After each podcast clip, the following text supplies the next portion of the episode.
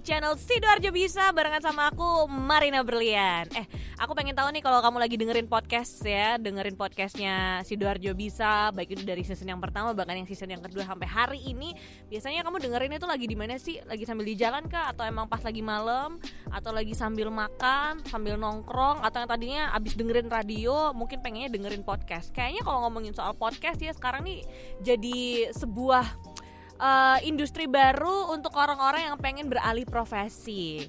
Kayak aku misalnya sempat siaran di radio, sekarang siarannya di podcast ya. Banyak juga nih teman-teman yang tadinya uh, teman-teman penyiar radio, akhirnya sekarang bikin channel sendiri di podcast. Karena kalau ngomongin soal podcast itu tempat kamu bisa ngobrolin banyak hal. Kayak episode hari ini aku mau ngajak kamu ngobrol-ngobrol sama beliau ini, cie beliau. Beliau.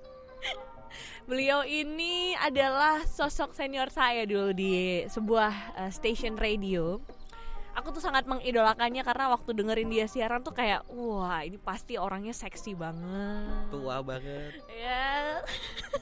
Beliau soalnya bahasanya ya. Suaranya tuh dewasa gitu kan ya, baik banget. Aku request lagu apa diputerin gitu kan ya.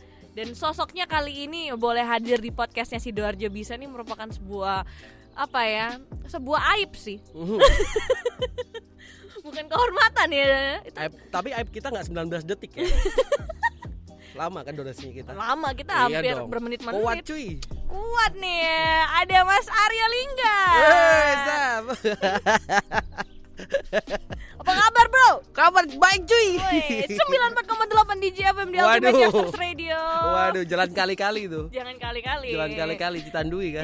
Yoi. kita tuh satu radio ya di Iya, benar. Mercury Group di DJ FM. Jadi Mas Linggar ini, Mas. Lingling biasanya mungkin kamu taunya dari teman-teman Duo Kepo, Hmm, Linggar sama Nano, ya.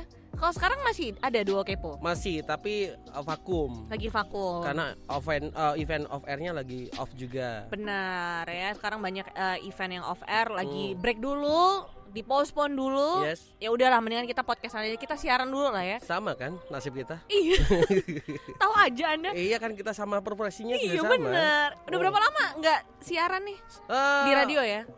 Akhir bulan Mei se- seminggu sebelum Lebaran lah cabut. Seminggu sebelum Hmm. Lebaran ya. Hmm, hmm, hmm. Aku udah setahun sih. ya. Setahun ya. Setahun. Rasanya gimana Bian? Rasanya kayak kangen banget sih ya. Kangen ya. Sama nge-mic yang panjang Sekarang kan seperti ini. terobati. Terobati ya. Iya. Panjang besar langsung di depan mulut. Oh iya iya iya iya. iya. Iya gak sih? Enak ya. Enak banget. Tapi sekarang aku akan eh, eh, di di momen terakhir ini, maksudnya di di sekarang ini ngerasa bahwa dulu kan ngomong passion itu kan radio gitu kan, Yes. siaran gitu. Itu sebagai eh, lahan untuk mencari uang gitu. Betul. Terus ada statement bahwa kalau kamu kerja di dunia passionmu ataupun Mhm. hobimu, terus kamu kalau penat dengan kerjaanmu yang itu hubungannya dengan hobi, kamu tidak bisa lari dari hobimu sendiri. Ujungnya balik lagi ya. Betul. Tapi kalau sekarang aku kerjanya bukan di hobi, jadi kalau penat di pekerjaan aku larinya ke hobi sekarang. Hobi asik. News anchor, News anchor. presenter. Presenter. Jadi sekarang tuh jadiin hobi ya. Heeh. Makanya tadi di awal eh, aku nanya kan sama dulur-dulur biasanya kamu dengerin podcast tuh pas di mana? Pas ngapain? Hmm. Atau habis dari dengerin radio dengerin podcast? Karena sekarang nih banyak orang beralih ya. Yap. Dari radio dengerinnya ke podcast karena ngomongnya mungkin lebih bebas. Iya, Cuman benar. kita yang dulunya mantan penyiar tuh Yap. nyobain podcast tuh jujur aja beda loh. Iya. Ya Karena sih? konsistensi. Karena Yes. kita mikir kalau di awal mainan podcast kan mikirnya waduh harus cari iklan sendiri Ya. terus terus kalau nggak ada vitaminnya kita juga akhirnya komitmen kita untuk fokus ke, ke podcast akhirnya berkurang Mhm. kalau di radio kan udah jelas nih per jamnya berapa nanti akhir bulan dapat gajian semangatnya kan itu kalau di podcast kan waduh harus ekstra lah effortnya Benar, harus dicoba terus, harus konsisten terus, Hmm. baru misalnya ada pendengarnya nih ya. tuh Makanya kalau misalnya kamu dengerin podcast kita ini mungkin nih eh, beberapa bulan lagi atau setahun lagi atau mungkin kamu dulunya itu anak radio nih ya. Mungkin pas ya episode kali ini kita mau ngomongin soal from radio to another profession Yap. yaitu as a entrepreneur. entrepreneur yes Ya. tapi aku sering ya dengerin sudah bisa podcast ini nomor satu ya aku baik bagus lah ya Iya dong, karena di sidoarjo nggak ada yang kayak kita. iya lah luan and only Sidoarjo bisa bisa Iya. bisa bisa Bisa, bisa, Ah. bisa. ya. Mungkin yang lainnya udah mulai ada kita appreciate banget sih. Iya iya iya betul. Udah mulai meng-highlight banyak hal di uh, Kabupaten Sidoarjo karena mungkin banyak orang yang nggak tahu kayak misalnya sekarang kita lagi ada di Winner Cafe. Hmm, Banyak yang nggak tahu kayak emang ada Winner Cafe, emang ada cafe yang konsepnya outdoor kayak gini, ada live musicnya Betul. yang almost every day. Emang ada ada di Sidoarjo nih. Ini salah satunya uh, sosok Siap. yang membangun ini dari nol ya. Dari nol dari tanah. Dari tanah kembali ke yang- tanah. Oh iya iya, itu filosofi kematian dong. Eh, Mas Linggar, kenapa kok dirimu tiba-tiba tuh nggak siaran? Wah oke Terus sekarang beralihnya ke bisnis gitu loh. Emangnya gaji di radio nggak cukup? oke. Jadi eh, di masa sebelum pandemi sih eh, overall oke ya. Oke. Terus ngerasa di bulan Februari tuh kayak industrinya udah mulai kacau nih. Mhm. Off air sudah mulai ditahan-tahan, banyak beberapa momen klien yang eh, postpone untuk beberapa event off airnya dia. Mhm. Akhirnya membuat, aku kan di radio kan tidak hanya siaran Bian, jadi di bagian event and promotion juga di full time-nya. Oh gitu. Yes, jadi akhirnya yang bagian part yang full time ini di cut nih karena tidak ada event untuk eh, perampingan budget karena juga di radio industrinya lagi untuk offernya kan lagi kosong jadi daripada dia hire orang buat event tapi nggak ada sesuatu yang dikerjakan akhirnya di cut di di postpone di bagian full time-nya. Jadi Februari sampai Mei itu aku cuma siaran doang. Cuman siaran aja. dari beberapa momen mulai tahun 2016 di M Radio itu kan aku full time terus dapat gajinya itu kerasa. Terus habis itu Februari kok empet-empetan sedangkan aku banyak cicilan gitu loh. Terus aku mikir apa yang bisa aku lakukan? Oh salah satunya mengorbankan radio untuk cari sesuatu atau peluang yang baru nih. Mhm. ya mungkin ketemunya food and beverage. Oh, Oke. muncullah ide bahwa kita mau bikin sesuatu yang lagi happening pada waktu itu, pada waktu itu bulan Mei aku oh kopi kelihatannya salah satu solusi nih Ya. buat buat buat langkah atau uh, batu loncatan untuk memulai bisnis gitu terus belajar belajar belajar belajar akhirnya ya ketemulah sama beberapa investor yang akhirnya bergabung bersama Winner Ah, Winner ya. gitu. Berarti boleh dibilang kalau cari duit di radio itu salah dong ya? Maksudnya nggak? eh, kalau menjadikan profesi penyiar Mm-mm. untuk salah satu apa ya eh, main income kita, kayaknya itu salah. radio bukan salah satu jalan utama untuk mencari income sih tapi untuk pancingan untuk cari job yang lebih gede banyak di radio lewat lewat radio bisa Karena banyak eh, kayak misalnya yang sering datang ke aku juga ya Hmm. dulur-dulur ya, "Eh, kak, kak, Kak Marina, Kak Berlian, Kak Bian, aku tuh pengen dong eh, jadiin penyiar radio dong di radio ini ada Yap. lamaran nggak gini gini gini gini.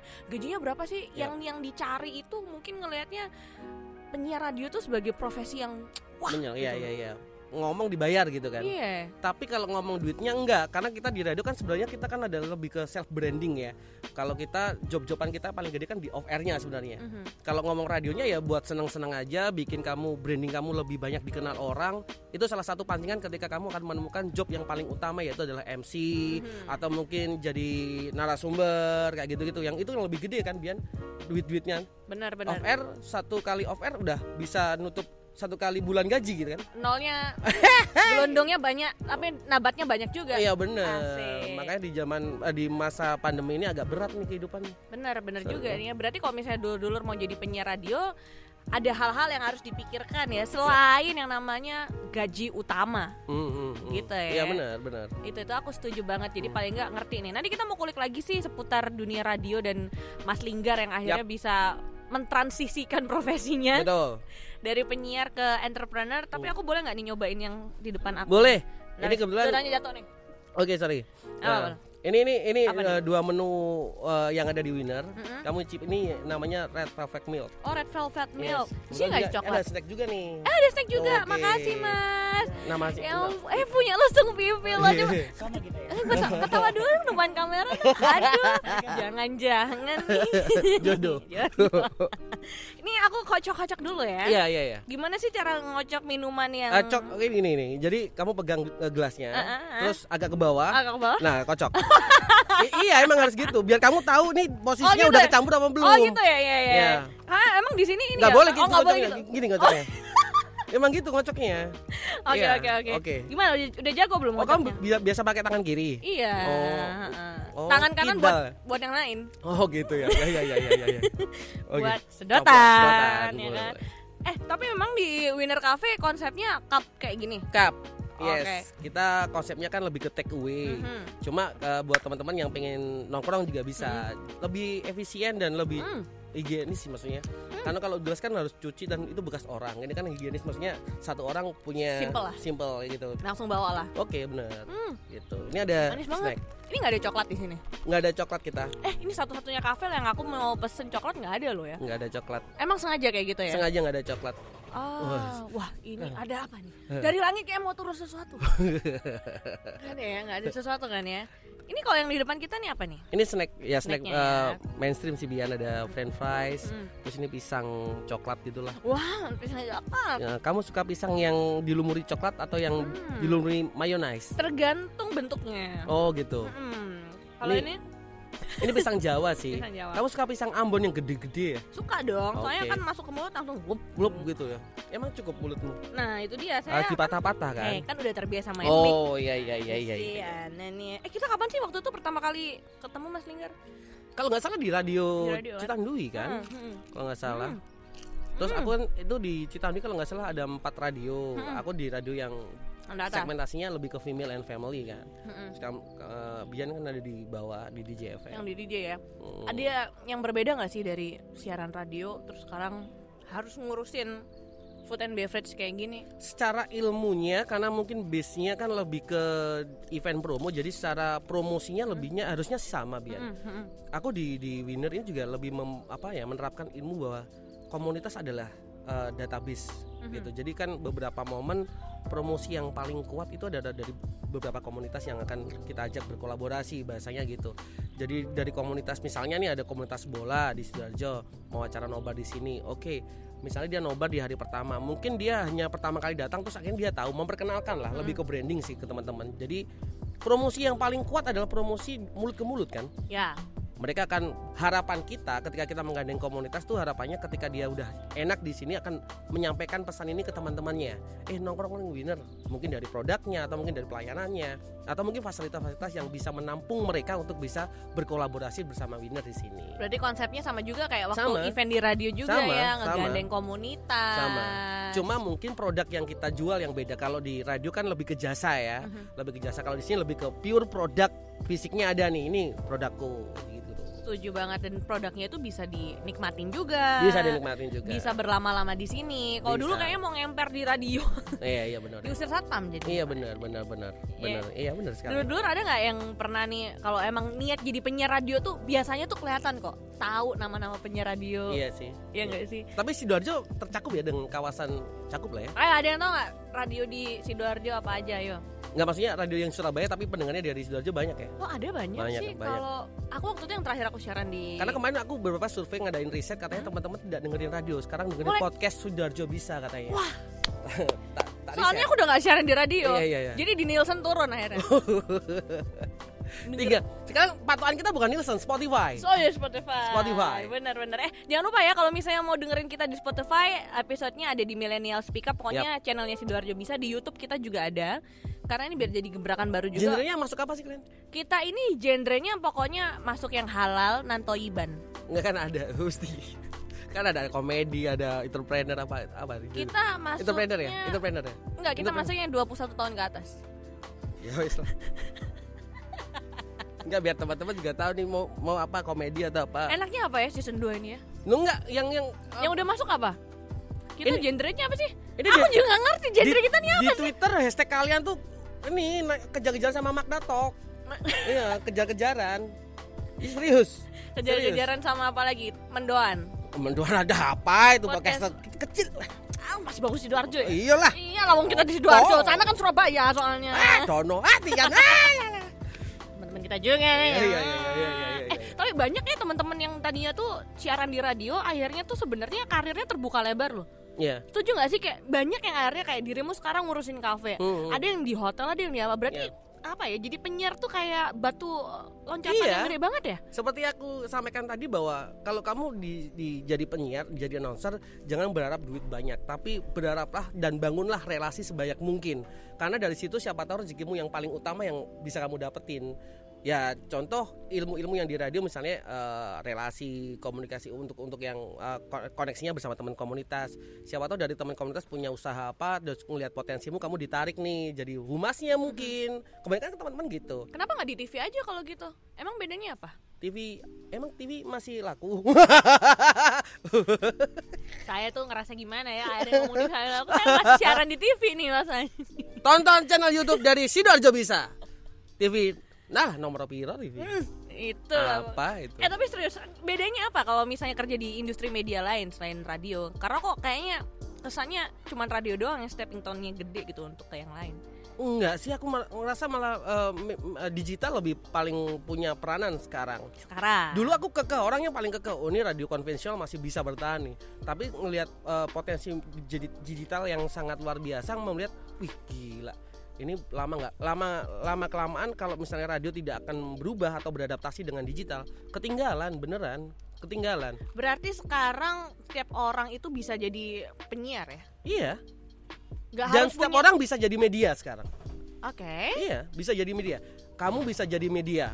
Mhm. apa yang kamu bawa aku bisa jadi media apa yang aku bawa misalnya kamu akan menyampaikan eh sidoarjo mendung nih jadi media buat orang lain yang ngerti tidak di sidoarjo mungkin di Surabaya mau ke sidoarjo oh ternyata lewat informasi yang disampaikan Bian sidoarjo hujan aku akan pending dulu untuk ke sidoarjo atau gimana kan kamu juga medianya Ah, Oke. setiap orang bisa jadi media sekarang Kalau setiap lewat sosial orang, media kalau setiap orang bisa jadi media, bisa lewat sosial media, bisa jadi penyiar Mm. dengan yang namanya buka atau ngebikin channel dan podcast. Terus gimana dong cara kita bersaing kalau semua orang bisa jadi apa aja gitu? nah kalau setiap orang berdiri sendiri lama kelamaan akan terkalahkan dengan orang satu dengan orang satunya bergabung menjadi satu menjadi sidoarjo bisa ya Mhm. karena the one and only Sidoarjo bisa akan mengalahkan media-media kecil yang lainnya. Bisa, bisa, bisa. Lah itu kan kolaborasi. Kolaborasi. Semakin banyak kolaborasi, semakin besar medianya. Ya.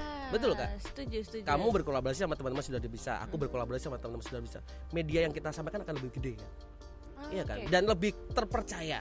Berarti sekarang itu salah satu caranya untuk kita bisa survive itu adalah collaboration. Kolaborasi. Nggak boleh yang namanya kita nutup diri Mhm. sosokan punya kita yang paling gede Yap, yang paling yap. bagus ya Nggak bisa. nggak bisa ya Kolaborasi jawabannya. tapi menurut Mas Linggar sendiri misalnya kita juga pengen ah mungkin ada dulur aku juga pengen nih Hmm. punya channel podcast aku juga pengen bisa punya suara yang bagus kayak Mas Linggar Oh, nih iya iya iya. aku tuh harus harus gimana sih harus les public speaking kah atau gimana sih karena kan pasti ada ilmunya juga kan buat ngomong tuh kan nggak asal ngerocos kan Tapi sebenarnya kan sekarang kita nggak terlalu penting jualan suara atau karakter suara yang tone-nya lebih kayak kalau mungkin dulu di era tahun 80-an ada apa golden voice ya.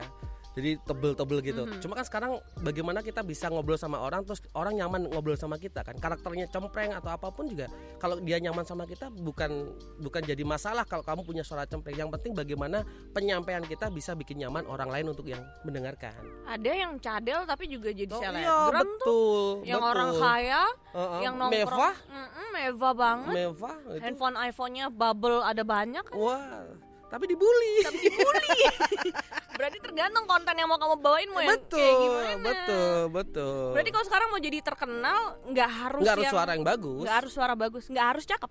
Nggak harus cakep, nggak harus cakep, nggak harus cakep. nggak harus pakai handphone yang Nah, nah, anak nganjuk, anak nganjuk ada kediri dia. Yang aku na na na na na na na. Boneka, boneka, boneka. Boneka itu bisa jadi terkenal juga Terkenal. Iya, iya, bener juga sih ya. Ini eh, semoga podcast untuk Eh, episode ya? Oh, boleh, boleh. Episode hari ini tuh supaya bisa ngebuka eh, mata batin juga dulur-dulur gitu kan yang selama ini berpikir wah, anak radio tuh gaul-gaul. Ya. Anak radio tuh eh, gajinya gede. Kalau boleh garis bawahi, anak radio temennya banyak. Itu yang paling aku dapatkan. Temannya banyak, bisa kenal dengan Bian, terus lewat Bian aku bisa kenal teman-teman dari Sidoarjo, bisa. Hmm, Banyak link semakin itu kelihatannya harta yang paling berharga deh sekarang, database. database ya. Kamu juga kan? Mungkin teman-teman Sidoarjo bisa atau teman-teman yang lain akan ditanyain kalau misalnya pada presentasi dengan klien, database-nya seberapa banyak. Wah, iya, itu iya. paling penting tuh. Tapi mencuankan relasi ada etikanya nggak? Karena kan Bukan Gini. relasi, tapi konsumen itu database kan konsumen. Iya ya. Tapi kan dengan banyak teman kan banyak orang eh rekomendasiin ke sini dong eh aku masukin ke sini dong eh kamu nama ini kenal ini dong akhirnya tuh sekarang banyak orang yang kesannya jadi pansos kan mau temenan sama lo cuman supaya bisa goal ini supaya temenan sama dia supaya bisa kenal sama pejabat ini kenal sama ini Hmm. supaya bisa nongkrong di sini Tapi win-win solution nggak? Kalau win-win solution sah-sah saja, halal. Kamu merasa di atau kamu ngajak temenmu, temenmu merasa diuntungkan, kamu juga merasa diuntungkan, kenapa tidak? Ya kan? Misalnya temenmu, Bian, aku mau podcast dong, kayak aku nih ngerasa, Bian, undang dong podcastnya, gitu kan? Eh, aku merasa diuntungkan, temenmu udah konten. ya Kayak gitu sih, simple itu kan. Win-win solution kan jawabannya. Kalau win-win solution lakukan. Kalau aku sih gitu kan. benar Kolaborasinya kan gitu. Kolaborasi kan Aha. bentuk bagaimana kamu mengawinkan beberapa culture yang ada di komunitas dan apa yang bisa kamu berikan kepada teman-teman untuk bisa dijalankan bersama dan menghasilkan goal yang sama. Goal yang sama mungkin jawabannya itu tadi. Mungkin mereka punya goal eh, punya tempat atau fasilitas yang bisa di tempat buat nongkrongan, tong- tempat nongkrongan. Terus kita ada tempat atau fasilitas yang buat bisa buat nongkrong. Kita dapat eh, goal dari mereka, mereka juga dapat goal dari kita juga gitu. Mhm. Jadi jawabannya kan win-win solution. Berarti kalau misalnya nih ada dulur-dulur Sidoarjo Hmm. yang pengen bikin event di sini, Bisa. sini mau kolaborasi di Bisa. Winner Cafe Sidoarjo bisa ya? Bisa sekali. Nggak dibatasin Enggak, kita bahasanya lebih ke kolaborasi. Apa yang bisa kita kolaborasikan? Ayo monggo. Dulur-dulur Sidoarjo. Pokoknya harus bisa Sidoarjo bisa. Woy. asik. Bisa bisa bisa. Bisa, bisa, bisa, bisa. Biasanya ada event apa aja kalau di Winner Cafe ha- hari-hari? Kalau event reguler kita di hari Rabu, Kamis, Jumat itu ada band akustik dan kita ngambilnya dari lokal lokal brand ya. Jadi lokal pride-nya Sidoarjo akan kita angkat. Teman-teman yang main di sini adalah lokal-lokal akustik Wih. dari teman-teman Sidoarjo. Yang pertama. Terus kemarin hari Minggu, seminggu yang lalu kita berkolaborasi sama teman-teman Free Fire. Mhm, Jadi mereka adalah teman-teman e-sport yang fokusnya ke game Free Fire mhm. dari Garena. Dia bikin kompetisi di sini. Eh nggak apa-apa. Nggak gitu. apa-apa, nggak apa-apa, nggak apa-apa. Oh jadi komunitasnya nggak terbatas apa pun itu ya misalnya komunitas e-sport boleh. Boleh, boleh, boleh. Bola mau nobar di sini? Boleh, boleh, boleh. Karena tempat ini sudah dapat lisensi dari Mola TV Wes. Untuk Liga Inggris. Untuk Liga Inggris. Liga Italia belum. Nanti tunggu lah ya. Yoi. Tunggu tanggal mainnya semua bisa di Winter Cafe Sidoarjo. Oke. Lokasinya ini ada di Ke Kavling DPR 4 nomor 70. Jadi eh, kalau ngomong distrik perkopian di Sidoarjo, jawabannya kan Kavling DPR kan. Yes. Pokoknya cari aja winner. Eh. Cafe. Ini tapi kayak masih baru ya Mas ya. Karena Baru. waktu jujur aja waktu dulur-dulur Sidoarjo ini Mas Linggar waktu telepon aku bilang, "Eh, ajakin podcast dong ke Hmm. Winner. Winner yang mana nih? Di mana tuh? Cafe DPR." Yang mana? Kan banyak banget kan ya. Ah, Iya, ba- baru buka soalnya kita. Emang kapan sih bukanya? Kita buka tanggal 9 Oktober 2020 kemarin. Eh, ini masih fresh banget dan Fresh. ini baru sama Sidoarjo bisa main ke sini Yes. juga ya. pertama kali dan aku nggak mau podcast sama orang lain kecuali Sidoarjo bisa ya wah penjilat sekali aku Oh, serius serius serius serius Nanti ada akun Instagram Sidoarjo yang lain. Nggak, nggak, nggak, nggak, nggak, nggak. Ke mana ada nawarin Nggak kasih apa-apa, nggak apa-apa Oh, sebenarnya. kasih rate juga sudah bisa masih sih Asik, bisa, bisa, bisa ya. Sebelah masih kosong. Sebelah Kosong. juga masih kosong. Mas Linggar sendiri yang sekarang sudah terjun di dunia F&B, menyikapinya gimana nih kalau misalnya area di lahan sini udah mulai rame banget. Yap. Nanti cara kamu bertahan gimana? Apalagi ini bisnis yang muncul di masa pandemi Oktober. yes ya. oke jadi sebenarnya aku kan eh, ngelihat pertama kali datang ke sidoarjo terus survei lokasi pertama kaget sih biar ngelihat distrik Kaf- Kavling DPR ini sekelas sidoarjo bukannya underestimate tapi sekelas sidoarjo bisa posisinya untuk masalah tempat hangout place-nya bisa mengalahkan kota Surabaya di Surabaya tepuk tangan dulu Setuju, setuju. Kalau dibandingkan dari kota lain ya, paling dekat tetangganya kan Surabaya. Padahal kalau ngomong Surabaya kan kota yang lebih hitungannya metropolis, eh, metropolitan Mhm, banget dibandingkan Sidoarjo gitu. Mhm. Tapi kalau ngomong hangout hangout place yang ada di Sidoarjo di Kavling DPR ini, ih gila. Industrinya udah kebentuk, Hmm. distriknya udah kebentuk, jadi tinggal bagaimana kita bikin jaringnya. Ibaratnya nih konsumen-konsumen yang ada di Kavling DPR ini kan ibaratnya ikan nih di lautan. Terus kita nih nelayannya nih. Hmm. Winner nelayan, terus ada eh, kopi-kopi yang lain nelayan di sini. Bagaimana kita bisa membuat jaring yang paling oke, paling kuat untuk bisa menjaring ikan-ikan yang ada di sini. Mungkin dari produknya, mungkin dari fasilitasnya, mungkin dari tempatnya, venue yang kita tawarkan. Anak-anak muda sekarang kan paling getol banget pengen eksis. Oke. Terus bagaimana konsep bangunan bisa dibikin secara instagramable buat menampung eksis mereka ataupun narsis mereka Mhm. di dunia sosial media. Jadi ya banyaklah cara-cara membuat jaring untuk bisa menangkap ikan-ikannya di sini. Kalau ngomong kompetitor ataupun juga lawan bisnis, aku rasa enggak. Karena semakin banyak eh, tempat ataupun juga kafe yang ada di Kafling DPR ini, semakin banyak eh, varian ataupun juga pilihan buat konsumen akhirnya untuk bisa mampir ke Kafling DPR. Jadi sekarang gini, mindsetnya adalah yang kita bangun di Kafling DPR. Kalau anak sudah ngobrol, eh bro, ayo ngopi yuk. Mhm. Jawabannya cuma Kafling DPR. Terserah dia mau ngo- ngopi di mana. Impactnya pasti di salah satu kafe yang ada di sini. nggak takut tersaingi nanti Enggak, kenapa? Kalau kita udah mindsetnya distriknya udah kebentuk, tempat lain bakal akan mikir, wah di tempat lain distriknya nggak kebentuk di sini. Mindsetnya itu sih, pengen kalau eh, ngopi di mana jawabannya kafling DPR, kafling DPR. Jadi kalau eh, ibarat ngumpan nih di satu titik aja udah ikannya udah dapat banyak. Walaupun kita dapat pinggir-pinggiran ya kecil-kecil ya, tapi lama kelamaan dengan servis ataupun juga pelayanan kita atau produk kita yang kita tawarkan, ya harapannya kita jadi best jaring atau best produk yang ada di Kafling DPR pengennya gitu Wow, keren juga sih yang Jadi ngebentuk gini. mindset kalau tempat nongkrong di Sidoarjo buat area perkopi-kopian ya di sini di Kafling DPR. logikanya gini Bian misalnya di satu kantor di lobi sebuah kantor ada satu eh, vending mesin minuman nih. Salah satu brand warnanya biru misalnya gitu. Terus dia ada 100 orang yang lewat situ. 50 orang ambil. Waktu itu masih ada satu vending mesin untuk minuman. Habis itu ada vending mesin lagi. Oa oa.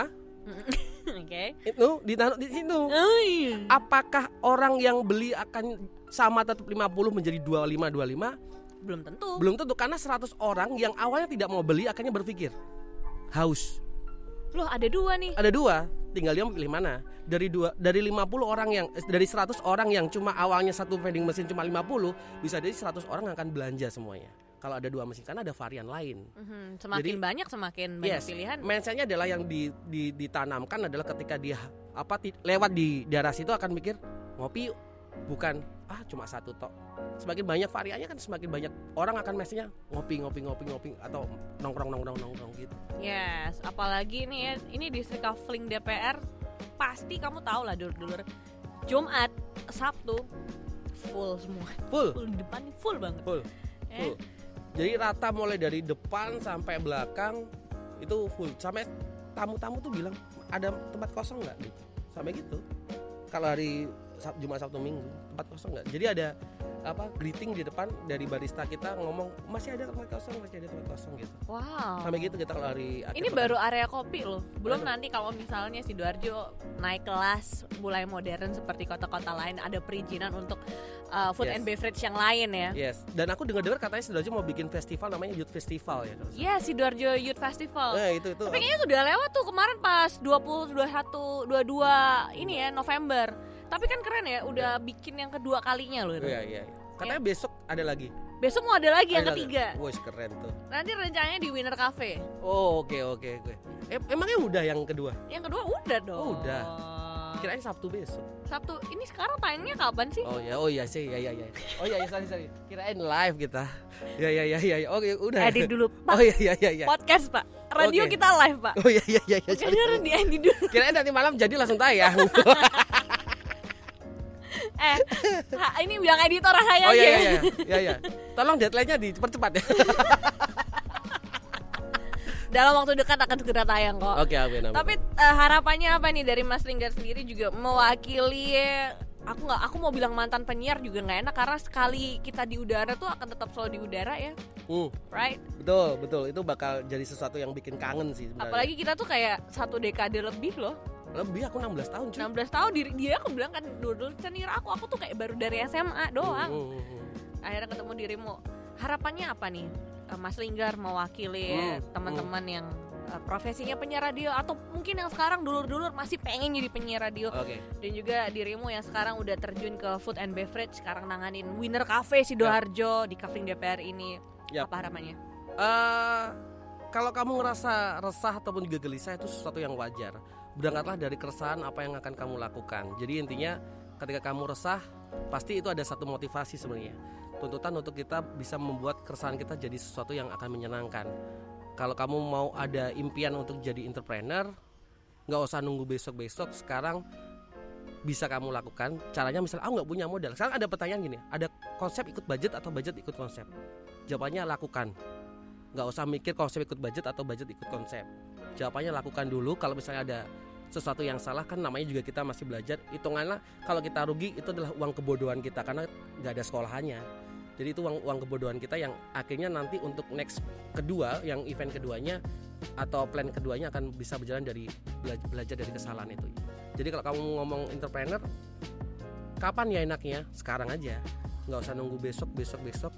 Ya kalau bisa sekarang kapan lagi gitu. Asik. Wes tagline dari ini nih Yang lain di ya. Yang penting bisa bisa bisa lah Hmm, ya. hmm, hmm. Tapi mungkin dua-dua yang lagi dengerin di Spotify ini pasti kayak "Ah, gila, suara yang Mas Linggar enak banget. Oh iya iya iya iya iya. Tapi sayang ada wajahnya ya, bikin gak enak akhirnya. Makanya jangan lihat di YouTube deh dengerin Spotify aja. Mas Linggar, thank you so much ya. Thank you. Salam buat teman-teman Winner Cafe Sidoarjo. Thank you udah mampir teman-teman Sidoarjo bisa juga. Ini enak banget red velvetnya. Yes. Kopinya juga ada kopi apa yang lagi favorit di sini? Yang dicampur sama apa tuh? Klepon, Klepon. klepon ada. Ada kopi klepon juga. Yap. Satu-satunya nih di Winner Cafe Sidoarjo ada banyak juga snack. Kamu bisa ikutan nongkrong di sini, mau bikin event di sini sama Yap. teman-teman komunitas kamu terbuka lebar. Instagramnya ada di @winnercafe SDA. SDA @winnercafe SDA. Mau kenalan sama Mas Linggar statusnya? Status Instagram. Oh, status apa nih? Status hidup Anda? Oh, diakui. diakui ya Yes. oleh warga negara Indonesia boleh langsung aja pokoknya di @winner cafe sidoarjo dan buat kamu yang pengen up to date sama berita-berita di sidoarjo kamu bisa follow instagram kita di @sidoarjobisa.id youtube kita ada di sidoarjo bisa channel spotify kita di sidoarjo bisa millennial speak up thank you so much mas linggar once again Sama-sama. kita ketemu di event berikutnya ya Amin. semoga kita bisa kolaborasi lagi dan terima kasih buat insight-nya hari ini ya Thank you. Thank you buat kamu yang udah dengerin dan yang udah nonton you on the next episode only on Millennial Speak Up by Sidoarjo Bisa. Bye. Eh, tunggu tunggu tunggu tunggu dulu. Bentar, bentar. Ini Mas Linggar kayaknya mau ngasih sesuatu nih. Ada yang ketinggalan ceritanya. Apa Jadi tuh? jangan lupa untuk bisa repost feed yang satu ini karena juga kamu akan mendapatkan sesuatu yang menarik tentunya juga persembahan dari Winner Cafe dan Sidoarjo bisa. Pastiin kamu komen habis itu mention temanmu sebanyak-banyaknya habis itu repost story dan jangan lupa juga untuk follow Instagram Dari? Sidoarjo Bisa.id dan at Winner Cafe SDA. jangan lupa untuk subscribe di channel YouTube-nya juga. Caranya total ya. Ada 500 ribu rupiah. Total 500 ribu cuma dari Winner Cafe Sidoarjo. Tinggal komen sebanyak-banyak dan repost di story kamu ya. Jangan lupa di postingan yang ini ya. Ketemu di sini ya ntar ya.